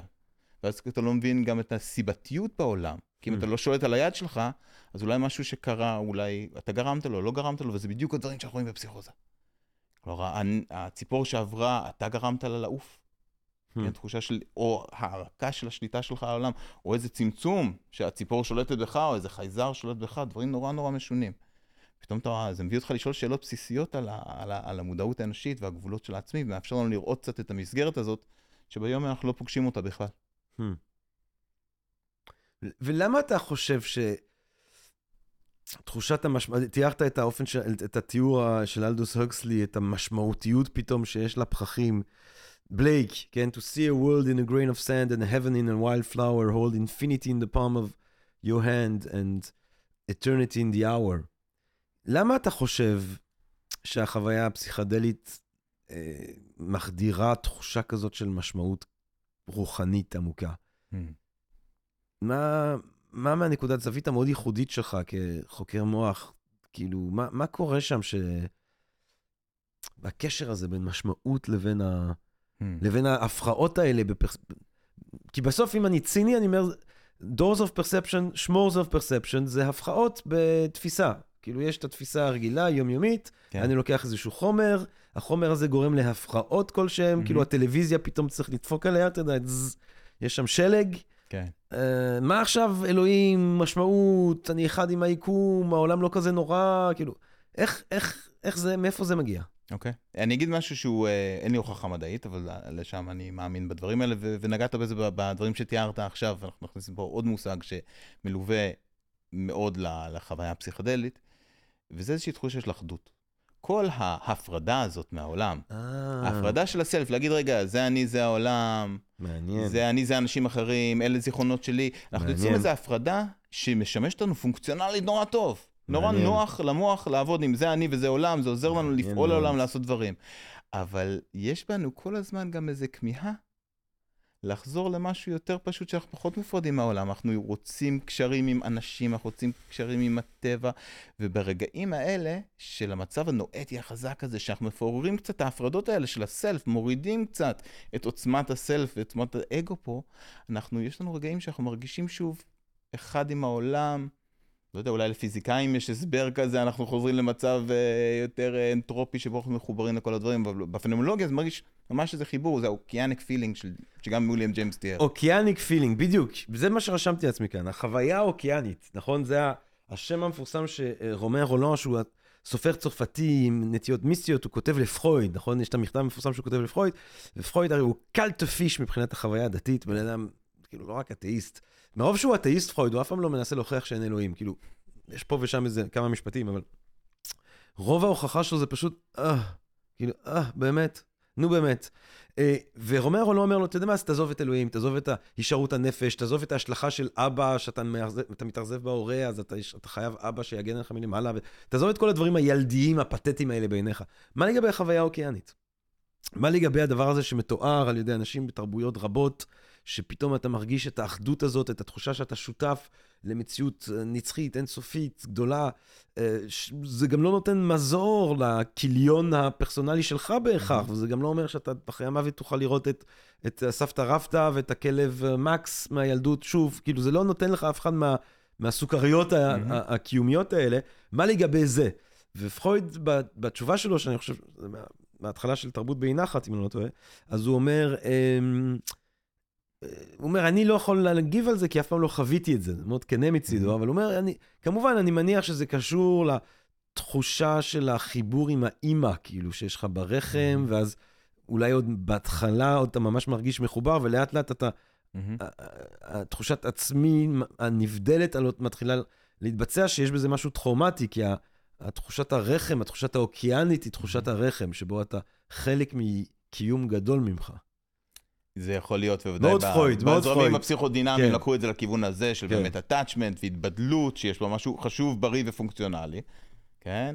אה, אבל איפשהו אנחנו חוזרים, וחוזרים לזה בהרבה דברים, גם, אה, גם במשחק כדורגל, להיות חלק מהמון גדול כזה, כן. יש בזה איזו תחושה, כן. קצת מהתחושה האוקיינית כן. הכיפית הזאת, שאנשים מאוד מאוד רוצים אותה, אנשים הולכים לכנסייה, הם עושים ספורט, הם עושים מלא מלא דברים מוזרים, בשביל לחזור ולו לרגע קצר לתוך המקום הזה של להרגיש חלק ממשהו הרבה יותר גדול.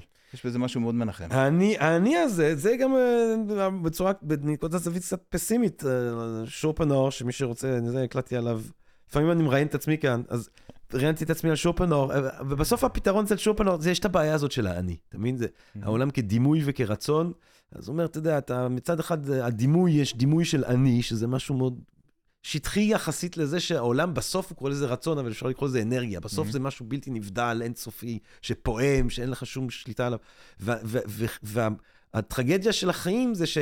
האני הזה הוא כאילו כמו איזה עלה נידף על אוקיינוס אינסופי של כוחות אפלים, והוא רוצה להגיע לשם, ואין לך שום שליטה אם אתה תגיע לשם, או לפה, או למעלה, או למטה. והפתרון זה המוות בסוף. כי המוות משחרר אותך מהאשליה האופטית הזאת של האני. נכון. אתה חוזר להיות כאילו חלק מהקוליות של כל הדברים כולם. או שינה קצת, או שינה גם טוב. שינה, לילה ארוך. ללא חלומות, כמו שאומר סוקרטס. אבל אז, אז אפשר, אפשר לחשוב שבעצם מצד אחד, זה מעניין, כי יש פה איזון דק, כי אנחנו בעצם אומרים, מצד אחד, התחושה של הבניית העצמי היא קריטית למה שאנחנו חושבים עליו כשפיות, וכדי שהאורגניזם הזה יוכל לפעול בעולם. ולהזין את עצמו ולהגן על עצמו. מצד שני, ברמה הרוחנית, דווקא שחרור מהאחיזה בתחושת העצמי הזאת, יש בה משהו שהוא גאולתי. לגמרי. תראה, הדבר הכי בסיסי, הכי פונדמנטלי בפסיכולוגיה האנושית, זה תחושת העצמי. זה הדבר הכי בסיסי. אין לך שום יכולת לתאר את מה קורה בתוך הנפש האנושית בלי ההבחנה הזו של העצמי. כן? כלומר, וכל הפסיכולוגיה בנויה סביב זה. וכמעט כל המסורות הרוחניות והמסורות הדתיות מדברות על איזושהי ירידה והקטנה קצת של האגו הזה לטובת משהו יותר אחדותי. כן? אני חושב שזה לא בכדי, כי אני חושב שהם מרגישים מאוד את הדבר הזה. כל אחד באיך שהוא בוחר לפגוש את זה. אה, אבל אני חושב שבכולם יש איזה משהו של להיות קצת פחות עני, וקצת יותר חלק ממשהו יותר גדול. ומה באמת, אם נחזור לעניין הזה של פרויד, מה אתה חושב קורה בתחושת העצמי המשותף באיזשהו אופן של תינוק ברחם? Hmm. דבר מעניין, אני חושב שקודם כל בתינוק ברחם עוד אין לו בכלל את ההבחנה הזאת. כן, עוד אין לה את ההבחנה הזאת, הם מתחילים לעשות כל מיני, כלומר המוח, כן, אם דובב פה את המוח, המוח מתחיל לעשות כל מיני דברים שאומרים, אוקיי, אה, מה, על מה אני יודע יותר? נגיד, יש שם שתי, כלומר, יש שם דופק כפול, נכון? יש דופק של האימא, נכון. דופק, כבר משבוע עשירי בערך יש דופק לעובר. והמוח אומר, רגע, אחד מאלה אני יודע לנבא טוב, והשני לא יודע לנבא טוב. Hmm, כן? חושב- אז הוא, כן. אנחנו יודעים שדברים כאלה קורים? המוח מן הסתם מקבל כבר סימנים מהלב. הוא מתחיל להתפתח. יש, אה, עשו בדיקות FMRI, איכשהו זה אפשרי בכלל לתינוקות אפשר לעשות בעובר? FMRI לזה, אבל כאילו קשה, לא תמיד ברור אה, מה, מה רואים שם. רואים סוגים של פעילות, אפשר, יש גם מערכות שכבר רואים בדבר הזה. אבל בעיניי זה התחלה של איזה פרוטו-סלף כזה שמתחיל להיבנות.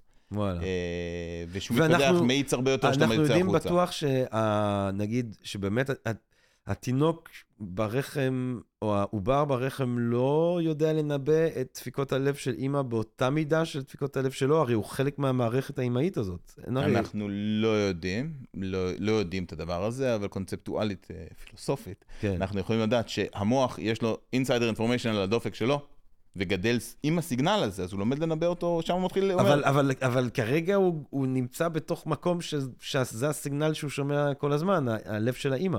נכון, אתה חושב שאתה עכשיו מתופף לעצמך על הרגל, ומישהו אחר בחדר מתופף בקצב אחר, את זה אתה יודע מה הולך לקרות, כי אתה שולט בזה.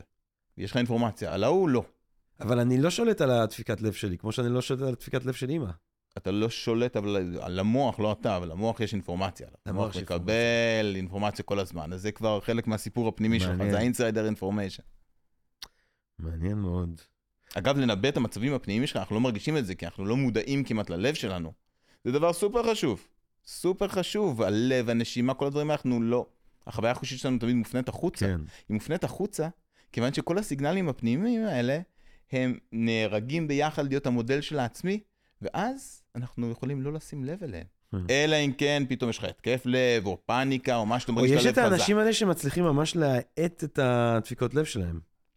כן, אבל הם לא עושים את זה ישירות על לב, הם עושים את זה מתוך מצב פיזיולוגי. זאת אומרת, נשימה. ו... כן.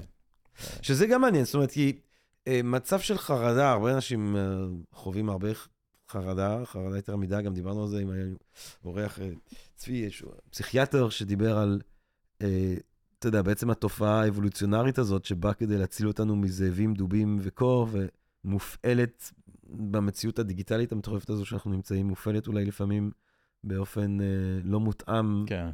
אה, ל- ל- לתנאים. אה, אז אחד מהדברים הראשונים שאתה עושה כדי לנסות להרגיע את החרדה זה, זה לעבוד על הדברים הפיזיולוגיים, על נשימה, על מודעות לישיבה שלך, נכון, גם כדי להרגיע אנשים שחווים חוויה פסיכדלית שהיא קשה להם. נכון. אני אספר לך דבר מעניין שחקרתי די לעומק לפני כמה שנים. מצאתי ממצא נורא מוזר, שמסתבר שהדופק שלנו, הלב שלנו, משפיע על מה נכנס לתוך הראייה שלנו, לתוך המודעות הראייתית. Hmm. דברים שמסונכרנים עם הלב שלנו, יותר קשה לנו לראות אותם. כלומר, אם Hmm. אני מהבהב לך עכשיו אור בדיוק קצב הלב שלך, יהיה לך יותר קשה וואי, לראות זה- אותו מאור ש... למה? מוזר. כי בעצם המוח כל הזמן יש לו את הדפיקות לב האלה, והוא מנסה להגיד, אומר, זה חלק ממני. אז לא מעניין אותי הקצב הזה, אותו אני מבין, זה חלק מהסלף. אז אם אני מרגיש פה באור תנודה, לא, עזוב, זה אני יודע מה זה. בוא, תן לי אינפורמציה לעולם החיצוני, זה חלק מהמודל הפנימי שלי, Hmm. כן? ובאמת אנחנו לא מרגישים, אנשים בריאים לא מרגישים את קצב הלב שלהם רוב הזמן, כן? ואם אתה מרגיש יותר מדי את קצב הלב שלך, זה סימן לא טוב, זה בקורלציה עם באמת הפרעות חרדה ותסמינים של חרדה. כלומר, אנשים שיש להם מבט טוב מדי, ידע טוב מדי, על משהו שאתה אמור בעצם להתעלם ממנו, כי הוא חלק מהמודל הפנימי, הם יותר מועדים להפרעות האלה של החרדה. מעניין. מעניין. למה בעצם? למה אבל חרדה? למה חרדה? כי באמת אחד מהסיגנלים, מה, מה התחושה הראשונית של חרדה? איזו תחושה של חנק כן. ודפיקות לב. כן. הסיגנלים הפנימיים האלה שהם יוצאים, ש... שאתה מפחד מאוד, פחד במידה רבה זה, זה חוויה גופנית. כשאתה מפחד, ראית נחש. אה, יש לך רעש של אדרנלין, עולה דופק, עולה נשימה, והמערכות הקוגניטיביות גם משתמשות במידע הזה בשביל ליצור מצב אמוציונלי. כן? כלומר, וואו, מה, מה זה כל ה... יש לי תחושה של פחד, כן? וזה מה שאנחנו חווים בחרדה, אנחנו חווים תחושה של פחד, בלי המושא של הפחד, בלי הנחש. כן. אוקיי? אז יכול להיות שחלק מהבעיה, אנחנו יודעים שאנשים שיש להם עוררות יתר או, או תשומת לב יתרה לתפיס, תפיסות, לסיגנלים הפיזיולוגיים האלה, שכל הזמן קיימים, כן? אם אתה שם לב אליהם יותר מדי, אז אולי אתה מתחיל לקרוא אותם זה יותר לא מדי. ביצה ותרנגולת? ודאי ביצה ותרנגולת. כי, כי, כאילו, כי, כי מצד שני גם כל הזמן אומרים שהדבר, ש, שמדיטציה, שזה כאילו, אתה יודע, נוגדן לחרדה, הדבר ראשון זה להיות מודע לנשימה שלך, שזה דבר שלרוב אתה לא מודע אליו. נכון, ואפילו לשלוט בה, כלומר נשמע אתה כן. יכול לשלוט. זה אחד הדברים שאומרים שמישהו בהתקף פאניקה זה לקחת, לנסות לנשום, לראות שאפשר לנשום, לנסות להתחבר לדבר הזה. אה, אני חושב שבמדיטציה, שאתה מתרגל את עצמך לא ברגע של חרדה, אלא שאתה מתרגל את עצמך ביום-יום, לשים לב לגוף, לשים שוב את הקשב, להכניס את הדברים האלה למודעות, שאתה ברגיעה, אז זה טוב, זה יוצר מצב של רגיעה. אה, לא הייתי ממליץ לבן אדם שבפחד אומר, וואו, תשים לב לכמה אתה בעצם נושם בצורה מפחידה והדופק שלך עולה. זה רק יגביר את הפחד. כן, אם Mm. אתה אומר לבן אדם, נגיד, אה, אתה מלווה לבן אדם שהוא בחוויה פסיכדלית, והוא נכנס למשהו כזה, אתה מטה את הקשב שלו, דברים אחרים, עזוב, עזוב את הנשימות שלך, עכשיו תראה איזה יופי הציפור ההיא. Hmm. כן, ואתה בעצם מרגיע אותו דרך שאתה מעביר את הקשב שלו, לא, לא לסיגנלים פנימיים, אלא למשהו בעולם אבל לא. ודווקא אומרים לא, ד- תהיה מודע לנשימה, תספור, תשלוט, כדי לרפא את החרדה. תעשה מדיטציה אפילו בתוך ההתקף. בתוך ההתקף, כן, אתה יכול לנשום, לצאת ממנו, לשלוט, כן, אתה כן. יכול לשלוט, אבל אז תרגיע. כן. תנמיך, אתה משתמש, ב, שוב, בשליטה שלנו, בוולישן, בשביל להביא את, המצ... את הפיזיולוגיה שלך למצב שהוא לא מצב שהוא של חרדה, כאילו. Hmm. כן. אה, רועי, אני חייב לזרוק לך, אה, אנחנו- שנייה סוטים פה מהזה, אבל אה, כל אה, חוקר מוח שמגיע לכאן, אני חייב שנייה להתייעץ איתו בנוגע לבעיה הפסיכופיזית, לבעיה גוף. נפש, בעיה קשה של התודעה, לראות איפה השנקל, אתה יודע, אצלי זה שנקל, אצלך זה שני מיליון דולר, כאילו, עם כל הידע והניסיון שלך והחשיבה שלך בנושאים האלה. אבל אנחנו כאן, בפודקאסט של Hmm. Think and Different, מקווים, אני אישית חוש... מקווה לראות שיפט פרדיגמטי. אני מרגיש Mm. שמה מה שדיוויד צ'למוס קרא לו The Hard Problem of Consciousness, זאת אומרת, לא עכשיו אה, אה, שהדברים המרתקים שבו אתה יכול לראות פעילות בקורטקס מסוים ולקשור אותה למשהו ספציפית בתפיסה שלנו וזה, שאנחנו מבינים שיש קשר, אלא עצם הקשר בין תופעות פיזיות לבין החוויה הסובייקטיבית. כן. עצם החידה המטורפת הזאת של למה יש לנו בכלל אה, תחושה של מודעת מהמם. של קיום, ואיך... אה, ואני חייב לומר שאני חושב ששפינוזה, אה, נחזור אליו, הפן פסיכיזם שלו, שאומר שבעצם המציאות היא אחד, ואנחנו יכולים לראות אותה כחומר, או אנחנו, כהתפשטות הוא קורא לזה, כן? כחומר תופס מקום, או אנחנו יכולים לחשוב עליה כמחשבה, אבל כל דבר מחשבה הוא חומר, וכל דבר חומר הוא מחשבה, זאת אומרת, לחשוב שגם אם אנחנו רואים את זה כדברים שונים, זה בעצם אותו הדבר, אה, והמחיר שאתה משלם על זה, כאילו, זה מאוד אלגנטי, אבל זה אומר שכל דבר יש לו תודעתיות. כן. לתפוח, ל... אני דווקא מאוד אוהב את הפתרון הזה, אני חושב שהוא רדיקלי. אבל איפה, מה, מה אתה חושב? מה אתה חושב? כי אני מרגיש Mhm. שאתה כאילו גם בגלל שאתה פתוח לאפשרויות ולתודעות, ולתובנות מתוך החוויה הפסיכואקטיבית, גם בגלל שאתה בחוד החנית של מחקר, מדעי המוח, גם בגלל שאתה בן אדם פילוסופי אה, רחב אופקים. אולי אתה תפתור את זה. אולי אתה בן אדם שיום אחד יקום ויעשה את השיפט הפרדיגמטי הזה. אני מרגיש שהעולם, המדע, הפילוסופיה, מחכה לשיפט פרדיגמטי בשאלה הזאת. מה, מה... אבל בלי לחץ, אתה אומר. בלי לחץ. בלי לחץ. לא שמת את זה עליי, אין בעיה. תנשום.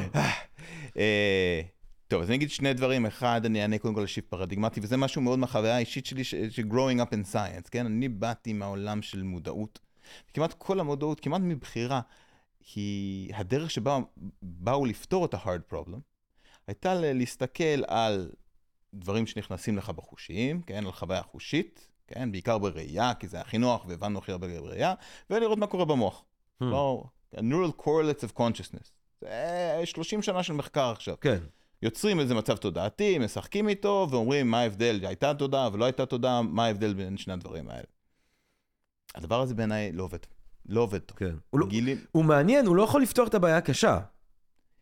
כי כל מה שיש לך זה קורלציה. נכון, ואז אולי אם היית יכול להפעיל וליצור, לא משנה, זה היה צעד ראשון, אנחנו לא מצליחים להגיע לנורל קורלט טוב. כלומר, מה שהיו בטוחים שיפתרו את זה כבר לפני 15, אנחנו לא שם. כלומר, אין נורל קורלט טוב. והדבר הזה, שאני סיימתי את הדוקטורט שלי, החלטתי ש, שמה שחסר בעיניי שם, כן, אנחנו כל הזמן מדברים על מה האובייקטים שבתוך קונצ'סנס. אני רואה כד, אני רואה פרצוף, אני רואה ברווז, אני רואה מכשפה, כן? אבל לא מתעסקים בסובייקט. עצם ה-consciousness. אה, מי קורה? כל הזמן יש consciousness happens to someone. ועד שלא נבין מה הנורוביולוגיה של להיות סובייקט בעולם הזה, אז לא נוכל להבין את האובייקטים שנכנסים. כי הדבר הזה כל הזמן באינטראקציה. אבל העניין הפרדיגמטי פה בעיניי, רועי, זה ש... זאת אומרת, אין נורל קורלט טוב. אמ, או, או גם אם יש לנו נורל קורלט לתחושת העצמי, בעיניי זה, זה לא פותר את הבעיה הקשה. כן. כי הבעיה הקשה זה, למה, למה? בכלל התופעה הנורו, הנורוביולוגית הזאת מייצרת את, הדבר, את, את, את הדבר ההזוי נכון. הזה שהוא תודעתיות. תודעתיות הרי זה, ש... זה כאילו, יש את הכיסא הזה, אפשר לגעת בו, אפשר לראות אותו, זה כאילו, התכונות הביולוגיות שלו לכאורה ממצאות... כן. את הקיום שלו, ו- ויש נורוביולוגיה שאתה יכול לראות ב-FMRI, או אם אתה פותח לי את המוח וממש אתה משחק איתו וזה, אה, באוטופסיה, אתה יכול לראות כל מיני חומר, אבל אז יש את ה... מה זה מרגיש להיות אדם. את עצם זה, תעזוב אפילו אם אין תחושת עצמי, אם אני בפסיכוזה או אם אני... יש סובייקטיביות, כאילו, זה המסתורין הגדול. יש, מה יש זה הדבר הזה? קודם כל, זה מה שזה. זה היש. כן, זה העניין. זה היש, כן? אני לך... וזה גם דברים שכאילו, שכזה, קצת תקעו אותנו עם ה-hard problem. עשו אותה קשה.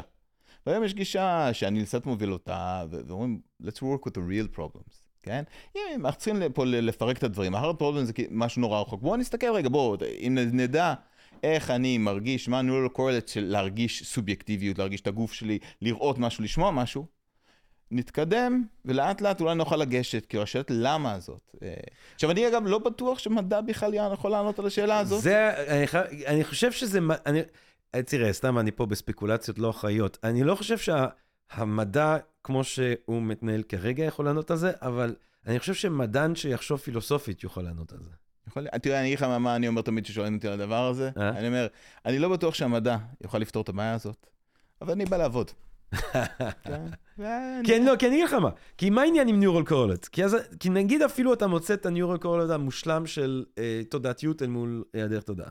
נגיד, הדוגמה הרי שתמיד נותנים בפילוסופיה, תקן אותי, ברוב הסיכויים שזה מוטעה, אומרים, אה, סיבי שיא יורים, אה, זה כאב. כאילו, אם בן אדם חווה כאב, אז רואים במוח שלו סיבי שיא יורים. עכשיו, נניח, לצורך כן. העניין, בטח זה פשטני, אבל נניח. ואז אתה אומר, אוקיי, האם סיבי השיא שיורים גורמים לכאב, mm-hmm. אבל אז חוויית הכאב היא לא סיבי השיא היורים, זה משהו שנגרם על ידי סיבי שיא יורים. זה כאילו דבר שונה. ואז חזרנו לדואליזם בעצם, נכון? חזרנו... כן, יש שם איזה בעיה, נכון. ואז היא אומרת, לא, לא, לא, סיבי שיא יורים הם כאב. נכון. אבל אז אתה אומר, מה זה המשוואה הזאת? מה זה ההם? מה זה האיס הזה, כאילו? מה נכון. זה? כלומר, בעצם יש לנו קצת בעיה של, של כאילו, הקרטיזיאן תיאטר. כלומר, מי הצופה בכל הדבר הזה? כן. כן, כלומר, יכולים ללכת לתוך המוח, אומר, אוקיי, אז סיבי השיא הם יורים, אבל מי מרגיש שהם יורים. או כאילו, מה, כן? מה הקשר בין חוויית, כאילו, איך אתה היית מתאר את הקשר בין חוויית הכאב לבין התופעה הביולוגית-פיזית הזאת? אוקיי, אבל אני אשאל אותך שאלה הפוכה, נעשה כן. כזה ניסוי אה, מחשבתי. אה. אם עכשיו אני יכול, פה אני יושב על מחשב, אני מתקתק, והמחשב הזה מקרין לך כל מיני זרמים אולטרסאונדים בתוך המוח. ואני אומר כן. לך, תקשיב, אני עכשיו צריך ליצור אצלך חוויה כזאת. כן. צריך לך חוויה, לא של כאב חלילה, של עונג מוחלט, עם, כן. אה, אתה רואה מימוזה, כן. ונזכר במשהו, ואני אומר בדיוק מה הולך להיות. והכנסתי לך, זו נהיית התודעה שלך, כן. כן? אז היית אומר שאנחנו מבינים משהו על תודעה? לא. ועל חוויה? לא? כאילו, פונקציונלית אולי כן, אבל לא יודע, זה, זה הדבר שחומק לי כאן. זה העניין שאני מרגיש שהוא פרדיגמטי. כי פונקציונלית, אני חושב שאנחנו... מת... ש... מה זה אנחנו? אתה. תמיד אנחנו אומרים אנחנו, כאילו שאני, כאילו שאני תרמתי למדע משהו. אנחנו... אתה, אתם, אה, עושים דברים מדהימים, מדהימים. אבל יש פה כאילו שאלה כזאת פרדיגמטית, כאילו, מה, מה זה הדבר הזה שהוא, מה זה הסובייקטיביות הזאת? זאת אומרת, גם אם אתה תדע ל, ל, ל, ל, לכוון אותה, לעשות לה מניפולציות, אה, לגרום לה אה, אה, להשתנות, לגרום לה להתעורר, להיכבות, אה, בצורה מדהימה, עדיין כאילו הקשר, ה, ה, חשד שזה דבר שהוא שונה מאוד מעולם החומר, ואז התהייה בנוגע לקשר בין שני הדברים האלה, אבל למה? לא אם אני- נפתרת. אם אני שולט בהכל, ויכול להנדס לך כל חוויה, אני יושב פה, עכשיו אני מהנדס איזה חוויה, ש... ואתה, אין לך חוויה ש... ש... שהיא מלבד מה שאני מהנדס לך, אהמ. כן? אז, אז אני אומר, מבחינה מכניסטית, כנראה שאני מבין, אנחנו כל כך רחוקים מזה, זה לא יאמן, הלוואי שהייתי יכול לעשות אחד מהדברים האלה.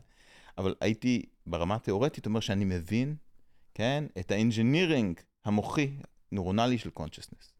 כן, זה כן. זה היה די משכנע. עכשיו אתה יכול לשאול, למה? למה זה שאלות שאתה יודע, משאירים לאלוהים כאילו, וזה, כלומר, מה זה למה זה צריך להיות ככה ולא אחרת? אני לא יודע אם זה למה, זאת אומרת, גם אם היית יכול לחלוטין להנדס כל מצב תודעה שלי, עדיין השאלה הזאת בין סיבי, על טיב הקשר בין סיבי השיא לבין הכאב נשארת לא פתורה. כי, אז השאלה היא, אתה, הזרמים, הזר, זרמי החשמל גורמים למצב התודעה? ואז אתה אומר, לא, כי אז מצב התודעה הוא שונה מזרמי החשמל, אז מה, אז מה הוא? הוא אוויר? הוא, הוא, הוא נשמה? מה הוא? אז לא, זה לא טוב לי. אז אתה אומר, לא, זרמי החשמל המהנדסיים האלה, הם התודעה, ואז אני מנסה להבין איך זה. אני קצת אוהב את הגישה המוניסטית הזאת, כאילו זה, זה כמו להסתכל. ממטבע משני צדדים. שפינוזה. פנפסיכיזם. לאו דווקא פנצגיזם. כלומר, אם אתה מסתכל על מטבע משני הצדדים, זה עדיין אותו מטבע, פה אתה תראה עץ, פה תראה פאלי. כן. כן, לא, לא, אבל, אבל. אני אומר לך את זה בקטע טוב, אני כן. בעד שפינוזה. לא, לא, גם, אני מאוד, אני מת על שפינוזה. אה, פנסקפיזם יש לי בעיה אחרת איתה, כי אני חושב שיש פה משהו, בעיה של אנתרופוצנטריות. כשאנחנו אומרים יש תודעה לכל דבר, אנחנו אומרים, רגע, אני ככה מכיר את התודעה שלנו. עכשיו, יכול להיות ש... וזו שאלה טובה, האם יש לכלב תודעה? אני אומר, כן. כן. אם יש תרנגול תודעה? כן. אה, תולעת? אולי יש גם... התודעה הזאת היא לא התודעה שונה, שלנו, היא שונה, כל משהו כך... שונה, היא לא יושבת ואז אני שם אומר, אוקיי, ודואגת על הבעיה היהודית. התודעה של אבן, כן. האם יש בכלל מה להגיד שזה אותה תודעה כמו שלי? אם יש לה תודעה, היא כנראה כל משהו, כך שונה בתכונות של, שלה. אה, זה סוג של, זה סוג של, אה, זה סוג של... זה אני ת- אומר, אבל... זה הרבה יותר פשוט, זה צריך להיות משהו הרבה יותר פשוט. לא יודע, אולי זה הרבה יותר תוחכם.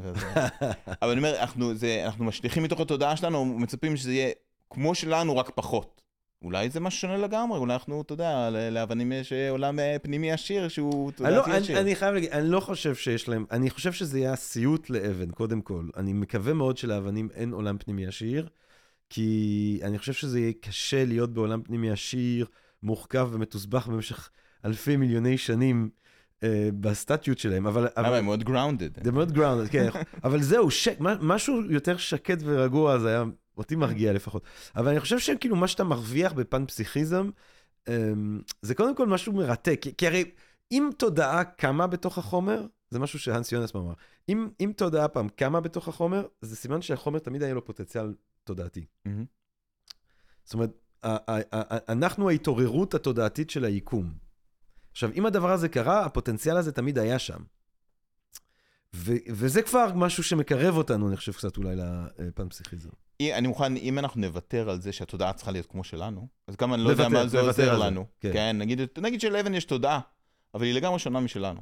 יש לה תכונות שונות. כן. אז מה זה עוזר לנו להגיד, אז אולי התודעה שלה, מה זה בהעברה של אה, נוטרונים בין לא, הזה?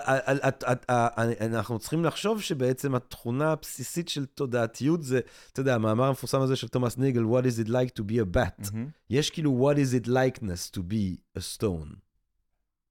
כן, אבל זה בדיוק תיאור שמתאר את התודעה שלנו. זה בדיוק כאילו התודעה שלנו, לא, אבל זה יכול לה- להיות מאוד שונה מאיך זה מרגיש להיות אה, רועי סולומון. איך זה מרגיש להיות אבן. נ- כנראה, אני, אני מניח, כאילו, כן. מתוך חוויה פנימית שלי, לא יודע על כן. אבנים, אני מניח שזה לא אותו דבר. אבל במובן הזה, זאת הגדרה של Human Consciousness, כן? כלומר, שיש לה איזה מודעות, it feels like something. אתה חושב שאבן יש לה כזאת סוג של מודעות? כאילו, אני לא, תראה, זה, זה אנחנו, זה, אנשים יגידו, זה, כאילו, מה זה ההזויים האלה עם ספקולציות על התודעות של האבן, אבל אני חושב שזה, יש משהו שנמשך לרעיון, שתודעתיות היא תכונה של החומר, תכונה בסיסית כמו של מסה.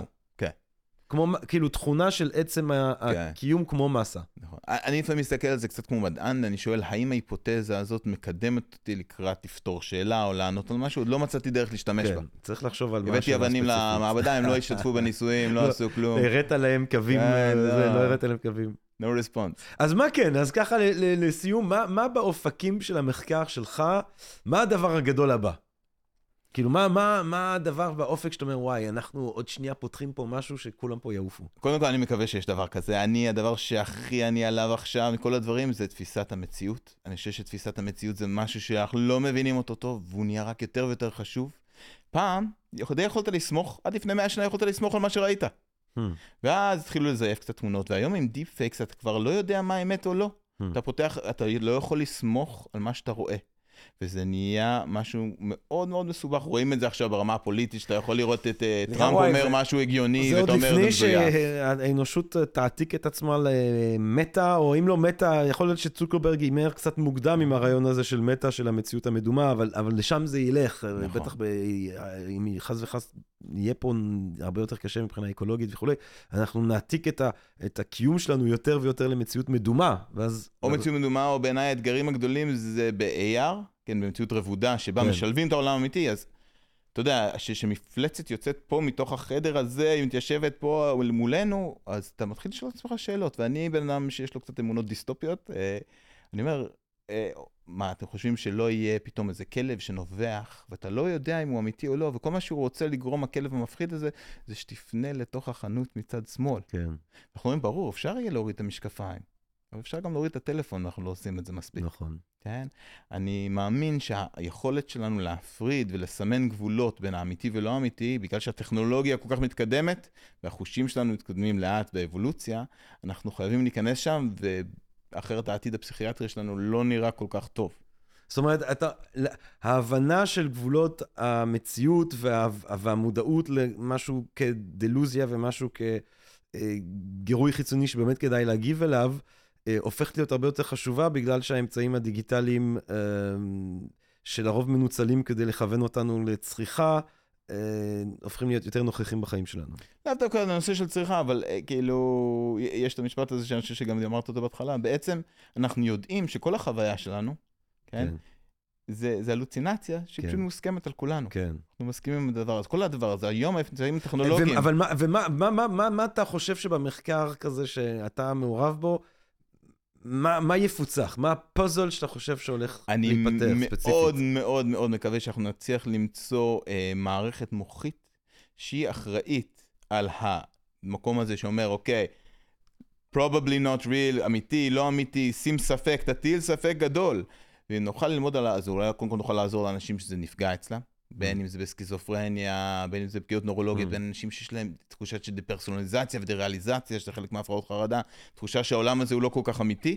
Hmm. נוכל לטפח את הדבר הזה, וזה אולי גם יעזור לנו לתת איזה כזה חיסון מוחי או אימון לקראת העולמות היותר ויותר מאתגרים של מה אמיתי ומה לא. מעניין מאוד. מעניין מאוד, גבירותיי ורבותיי, דוקטור רועי סולומון. תודה רבה, תודה רבה, ג'ר סלמון. אני, אני, אני, סלומון. אתה אמרת לי, אתה תיקנת, תמיד בגלל ששאלתי, אני דווקא, אני יודע שזה סלומון, ודווקא בגלל שתיקנת אז אמרתי סולומון עכשיו. מה, דווקא? לא, דווקא בגלל שאישרתי איתך, לא משנה. גבירותיי ורבותיי, דוקטור רועי סלומון. יפה. יצא לי טוב. טוב. דוקטור רועי סלומון, בוא'נה, מרתק. מה אני אגיד לך? מרתק. אה, כל הכבוד לך על מה שאתה עושה. תודה רבה, תודה רבה. כל זה הכבוד לך על מה. שאתה עושה, כיף לא, להיות פה. זה מרגש, זה מרגש מאוד, ו... יאללה, תפתור את העניין הזה של תפיסת המציאות, ואז אנחנו נשב על הקטע הזה של האבנים המודעות לעצמן. כאילו, אנחנו... נראה מה קורה אצלם. אנחנו צריכים לבדוק מה קורה אצלם. ואני רוצה אה, להודות לכם, הקהל הקדוש של Think and Read Different, אה, שרובו הוא בני אדם, אנושיים, אנושיים מדי. אני מניח שאולי כמה אולי חלק אבנים. מהאבנים, חלק כן. מהאבנים גם מאזינים לנו. אני רוצה להודות לכם לקהל הקדוש שלנו כאן בפודקאסט של Think and Read Different, מקווה מאוד שנהנתם מהפרק הזה, מהפרקים שכבר הקלטנו, מאלה שבעזרת השם אה, נמשיך ונקליט, ומה אני אגיד לכם בינתיים, אה, רק תודעתיות פתוחה, אה, נשגבת, אוקיינית, רק בריאות, אהבה רבה, ונשתמע. תודה רבה. פודקאסט, פודקאסט, Podcast.